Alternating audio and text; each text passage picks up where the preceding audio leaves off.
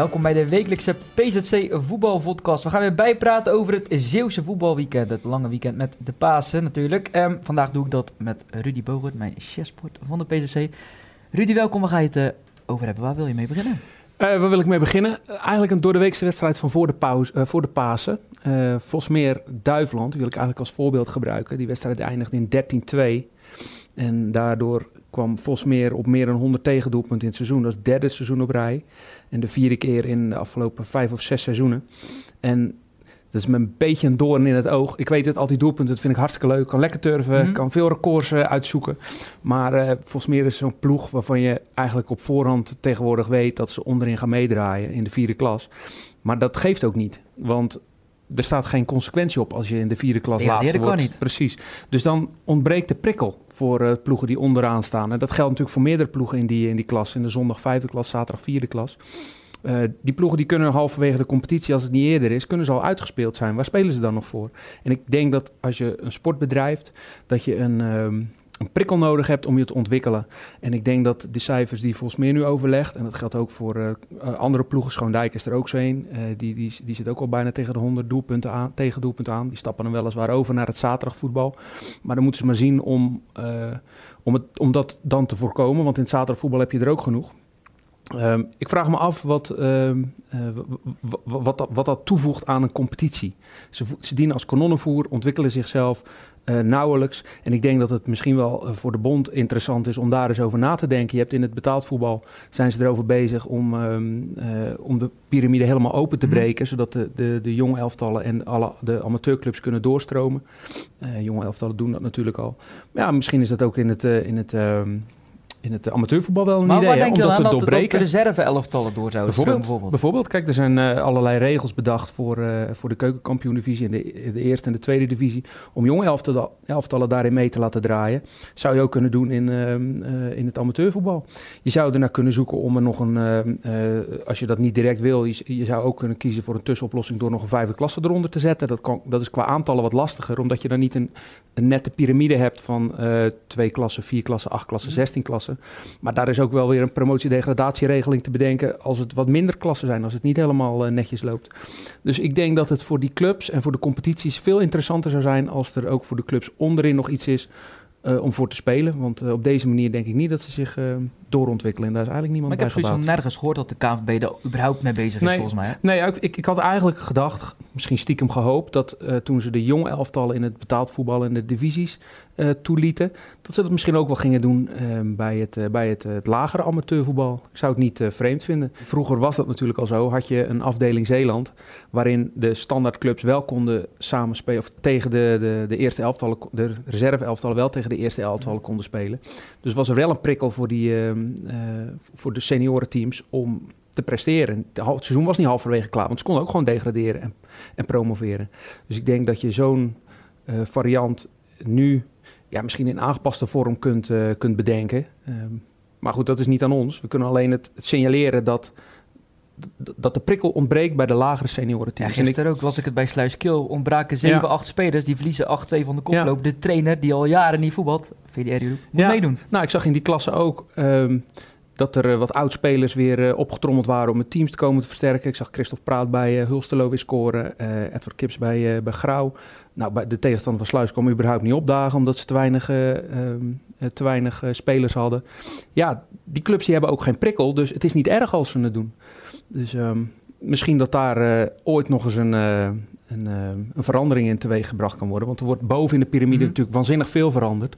Maar onder in de piramide moet je niet vergeten. Want ik denk dat daar ook de grootste massa van je, voor de KNVB, de grootste massa van je leden zit. Dus ik denk dat het niet zou misstaan als ze daar ook aandacht aan zouden besteden.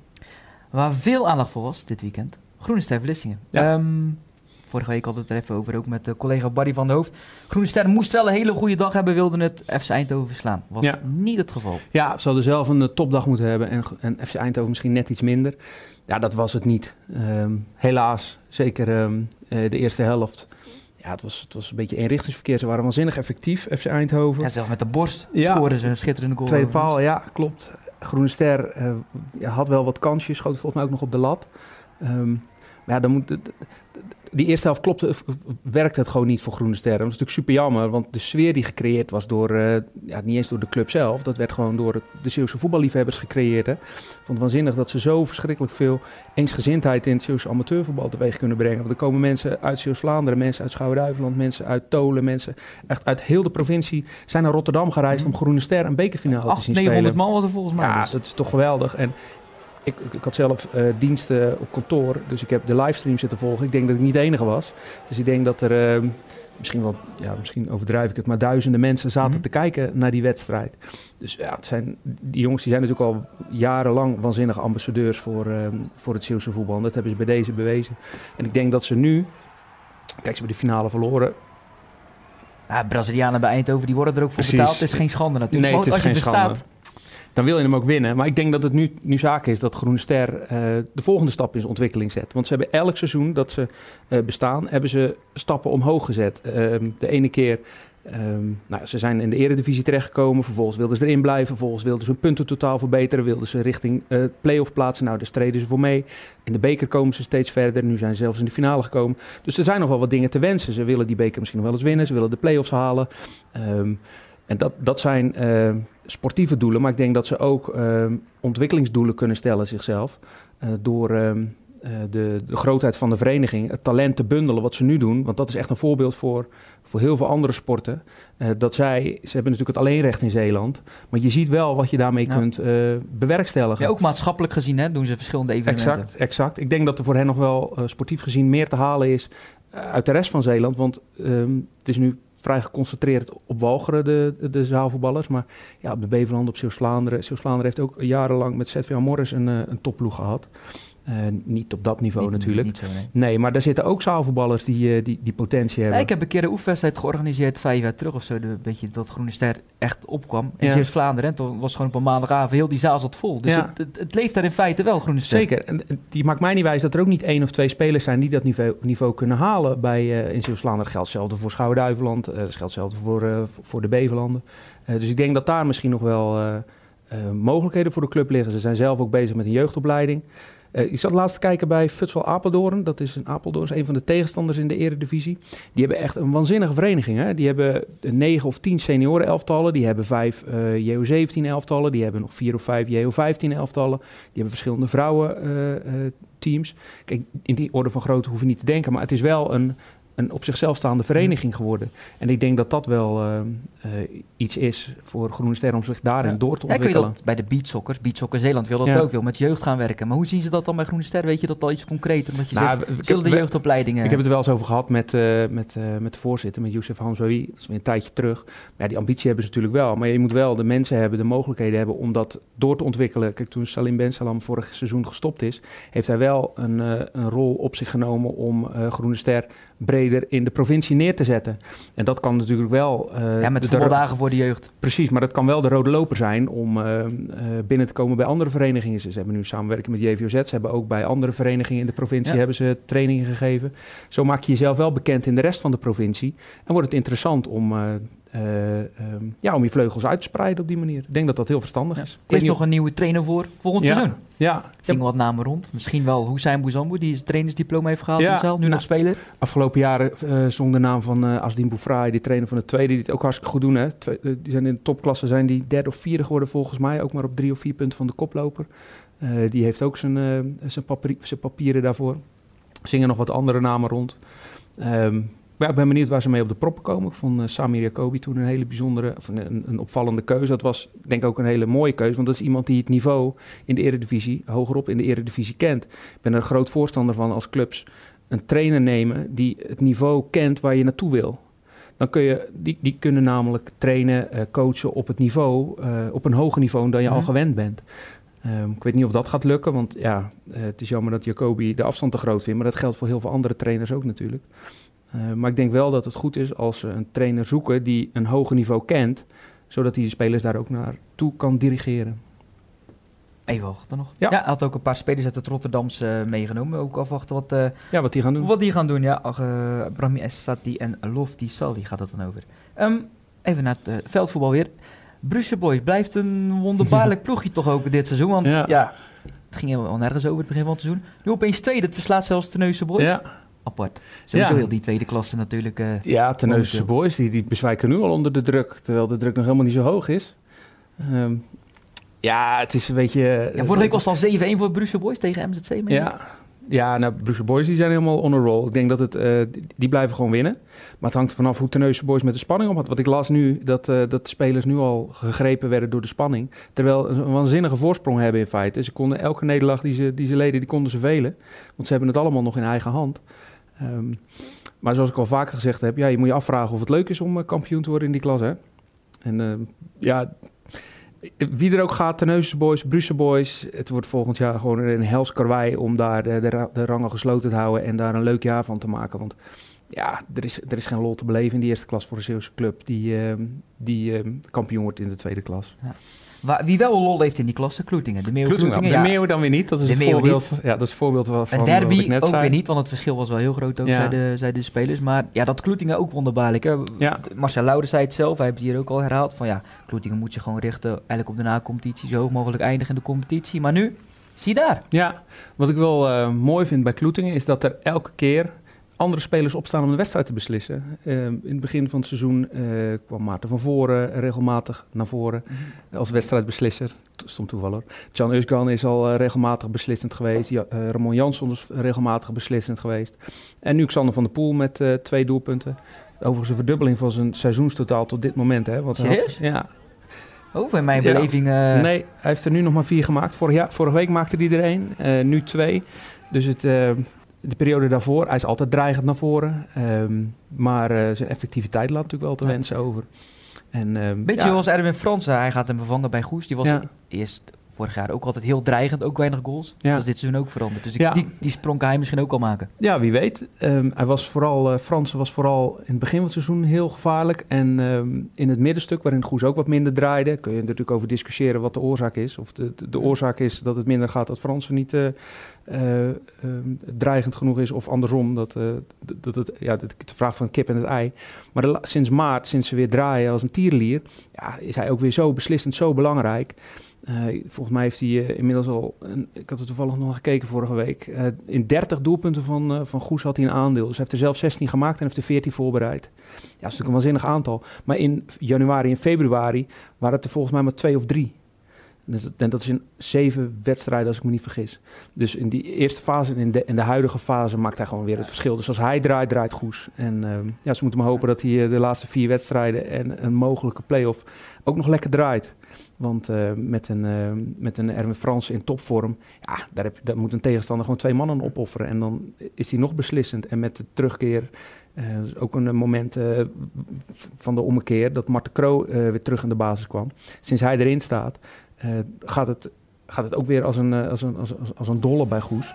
Dat komt denk ik doordat zowel Frans een wapen is, de Kroo is een wapen, eh Steve Schalkwijk is een wapen. het heel anders in allemaal? Precies. Tim de Winter is, een, eh, is een, een speler die een wedstrijd kan beslissen. Je hebt gewoon veel meer, veel meer eh, gevaar voorin. Waardoor misschien wel de aandacht afgeleid wordt van, eh, van Erwin Fransen. Zullen op de kroon moeten letten. Waardoor Frans misschien ruimte krijgt. Zet, zetten twee man op, eh, op Fransen. Waardoor uh, Schalkwijk weer meer ruimte krijgt. Ik denk dat die wisselwerking heel moeilijk, dat daar moeilijk op te anticiperen is voor, voor tegenstanders.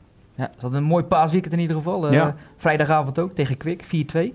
Overigens wel mooi voor Kwik. Mooie club, ben er ook eens geweest. De lunch na de wedstrijd, of tenminste een maaltijd kregen ze. Dat zie je ook niet overal. Ehm, dus ja, Goes die kan gewoon eh, de periode pakken. Kan zelfs nog vierde worden. Ja. Hoek staat al vierde. Ehm, ja, die wonnen met 1-0 van Odin. Daar wilde hij ook nog even over, eh, over kwijt. Ja, nou, ik heb die wedstrijd tegen Odin niet gezien, maar ik heb collega Barry van der Hoofd erover gesproken. En die vertelde, en ik heb natuurlijk ook gelezen hoe Jonathan Constantia de winnende goal maakte. Ik heb hem vorige week zelf aan het werk gezien tegen SJC. Ja, ik vond het waanzinnig. Echt, die, die goal van, eh, van gisteren, die, eh, die riep in mij herinnering op. Dat, daar had ik het nog over met, met Van afgelopen weekend door je van ja, zaterdag. van afgelopen zaterdag. Maakte hij een rush van, van achter naar voren. Zet iedereen te kakken en vervolgens stift hij hem over de, over de keeper naar binnen. Die riep bij mij meteen herinnering op aan, de, aan een goal die hij, net was geen goal, aan een actie die hij tegen FC Utrecht maakte. Speelde hij voor het CO's elftal. Was op het veld van VV Goes. En hij startte, het was 1-0 voor, voor FC Utrecht op dat moment. Het was een uur gespeeld. Hij kreeg de bal. Ja, hij toverde zo langs vier, vijf mannen van, van, van Utrecht. Er staat één op één op de keeper, was Michel Vorm. Mhm. En eh, Vorm die eh, pareert hem. En ik weet niet precies wie de rebound erin wilde schieten, maar die werd met de hand tegengehouden.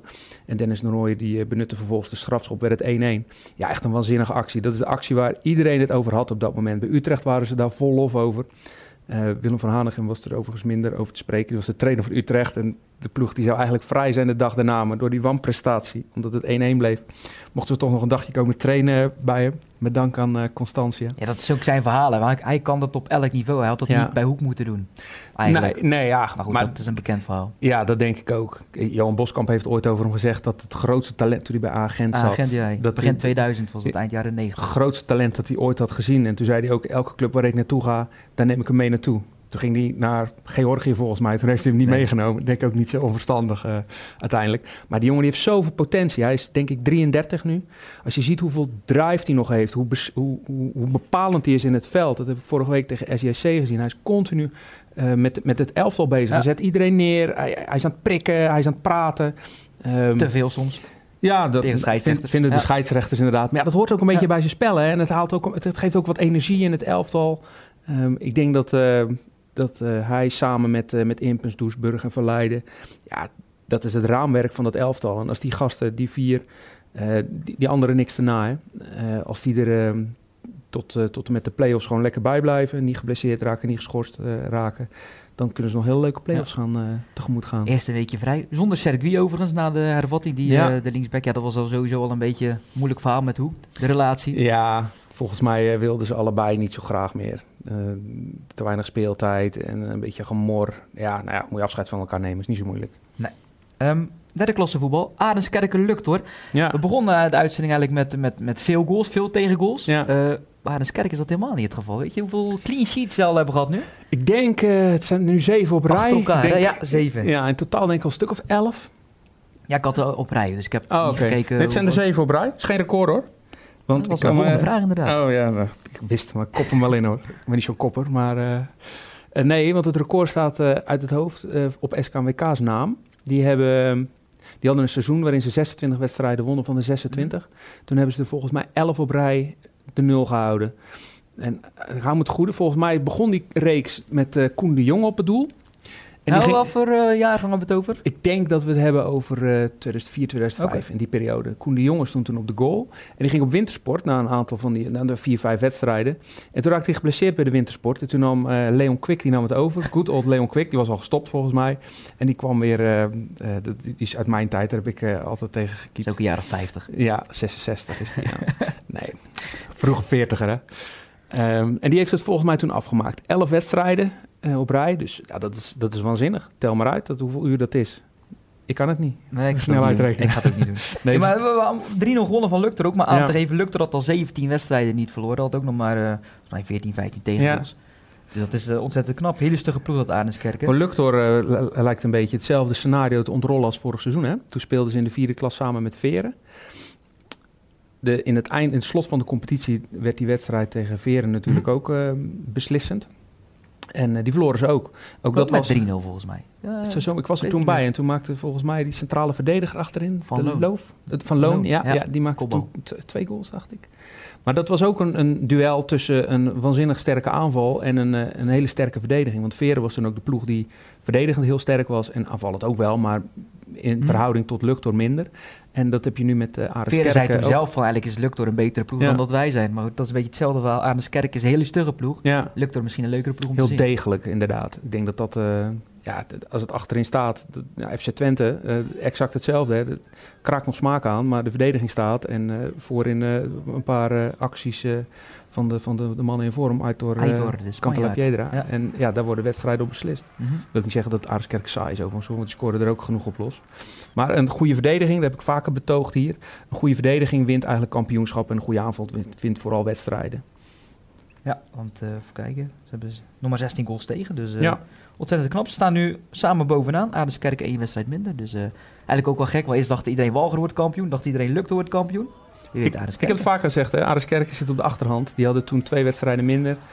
En ehm, ja, die, die, ik wist gewoon, die zijn hartstikke degelijk. Daar hoor je wel eens wat, uh, wat over. En uh, ja, dat bevestigt nu eens te meer. Zijn op het goede moment zijn ze hartstikke in vorm. Twee keer Walcheren verslagen. Nu uh, lukt door Henk Sand verslagen. Favoriet? Inderdaad. Um, ja, je zei net al, Twente kampioen, Tom Boeren. Ja. Mocht nog 20 minuutjes meedoen, maar ja, kraakt nog smaak aan het seizoen. Dat heb ik ook al gevoel ja. eigenlijk. Ja, dat zat... Uh, hem ook, hè, 13 goals. Ja, maar dat, dat, dat, dat, hoort. Kijk, Tom Boeren is een spits.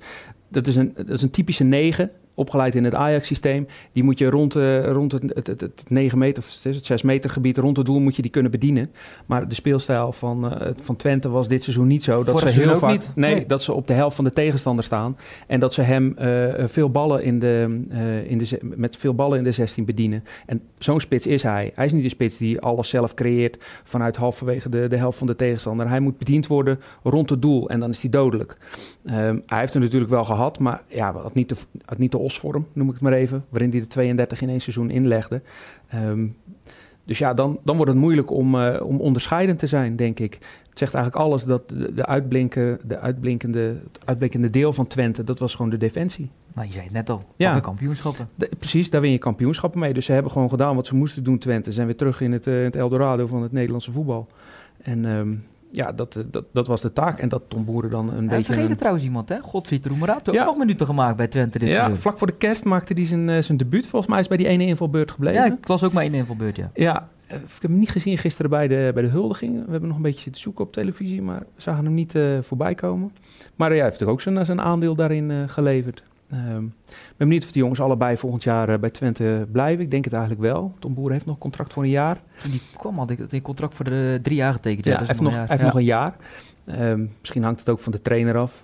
Ik denk niet dat hij eh, gaat blijven. Als ik zag hoe hij eh, na de- het laatste fluitsignaal stond te juichen. Ja. En dat Ja. En de reactie ook van... niemand ging naar hem toe. nee, die bleef heel lang alleen Precies, staan, hè? die bleven allemaal Ja. afstaan. Hij moest zelf het feestgedruis opzoeken.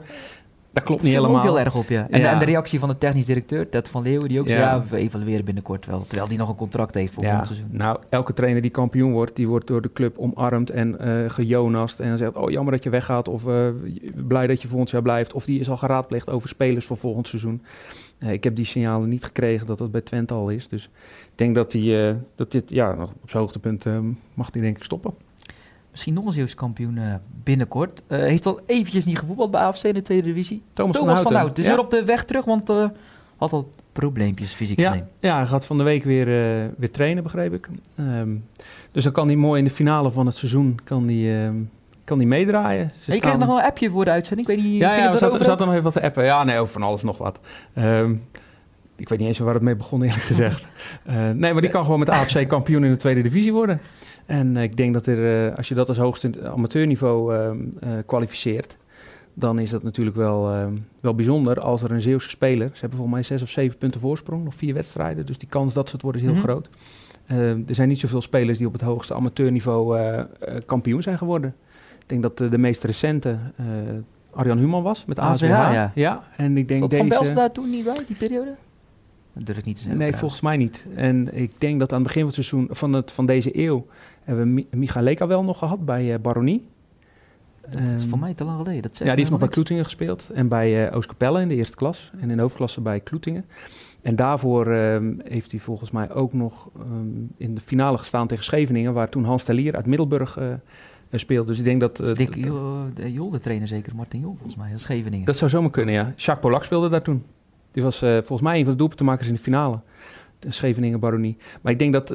Dat is de afgelopen 20 jaar, 25 jaar eh, hebben we het nu over. Maar ik denk niet dat er veel meer zijn. Dus dat zou echt een hele bijzondere, een hele bijzondere prestatie zijn als hij die met, eh, met AFC kan leveren. En dan heeft hij weliswaar de laatste anderhalve, twee maanden daar niet zo'n grote bijdrage aan kunnen leveren. Maar sowieso voor de winterstop was Ook hij in heel... de KVB-beker speelde hij precies, gewoon, hè? was hij heel bepalend. Ja. Oké. En nog een bijzondere eh, prestatie om mee af te sluiten. Smediek, geen lekker seizoen, maar Nee. afgelopen weekend. Top. Ja, was tegen de koploper zelfs. Tegen de koploop, DFC uit Dordrecht. Ze hadden nog maar zes punten, hè, Smediek. Ja. Pak even die overwinning met 4-1. Ja, leuk. Heb je toch nog een, een moment uit zo'n seizoen dat je denkt... Ik heb zelf bij Middelburg zaterdag een, eh, een blauwe maandag gespeeld. Toen stonden we stijf onderaan in de, in de tweede klasse. Met jou op goal? Met mij op goal, terecht natuurlijk. Nee, ik kwam halverwege in, invliegen, omdat uh, de eerste keeper, uh, Richard Lagarde was er toen, echt een staart tot aan zijn kont had. Die, die had zijn been gebroken. En je had vroeger ook lang haar? Ja, vroeger. Heel vroeger. uh, en Shonta Hapari was daar trainer bij Middelburg Zaterdag. En daar had ik bij, mee bij SSV gespeeld. Dus die belde mij op en die wist dat ik weggegaan was bij SSV. Omdat ik niet met de trainer boterde. En uh, natuurlijk een beetje een querulant. Wat? En, een querulant rebel, een okay, beetje een zeurder, een klager. Dat is niet waar overigens. Um, maar toen had hij een keeper nodig en uh, toen heb ik daar nog een half jaar denk ik gekiept. En de enige wedstrijd die ik daar nog van herinner, dat was tegen de koploper, tegen Ciolto. Die waren notabene tegen SSV uh, mm -hmm. in de strijd om, uh, om het kampioenschap. En die speelden wij stijf onderaan in, op de Nadorst. Een van de mooiste sportparken waar ik ooit op gespeeld heb in Zeeland, vind ik nog altijd. Hoewel nu helemaal platgelegd. Speelden we 2-2. En mede daardoor kon SSV nog kampioen worden. Dus dat is dan één zo'n wedstrijd in een, in een, in een, in een verder K-seizoen... die je dan nog, uh, die je nog, dan nog herinnert. Ja, ja. Uh, dus als dat voor Smediek ook een beetje de, de, de, de, de, de, de witte raaf is in het, uh, in het seizoen, prima toch? We gaan er een punt achter zetten voor Schot. vandaag. Um, Volgende week zijn we er natuurlijk weer. Dan iets anders dan anders. Want dan zit hier uh, Gert-Jan van Leiden, speler van Hoek. Minder uh, competitievoetbal. Dus uh, we kiezen volgende week voor een wat andere opzet. Hopelijk kijkt, luistert u dan weer. Wilt u deze uitzending terug bekijken? Abonneer ons dan jullie even op Spotify of iTunes. PZC Voetbal Podcast. Bedankt en tot volgende week.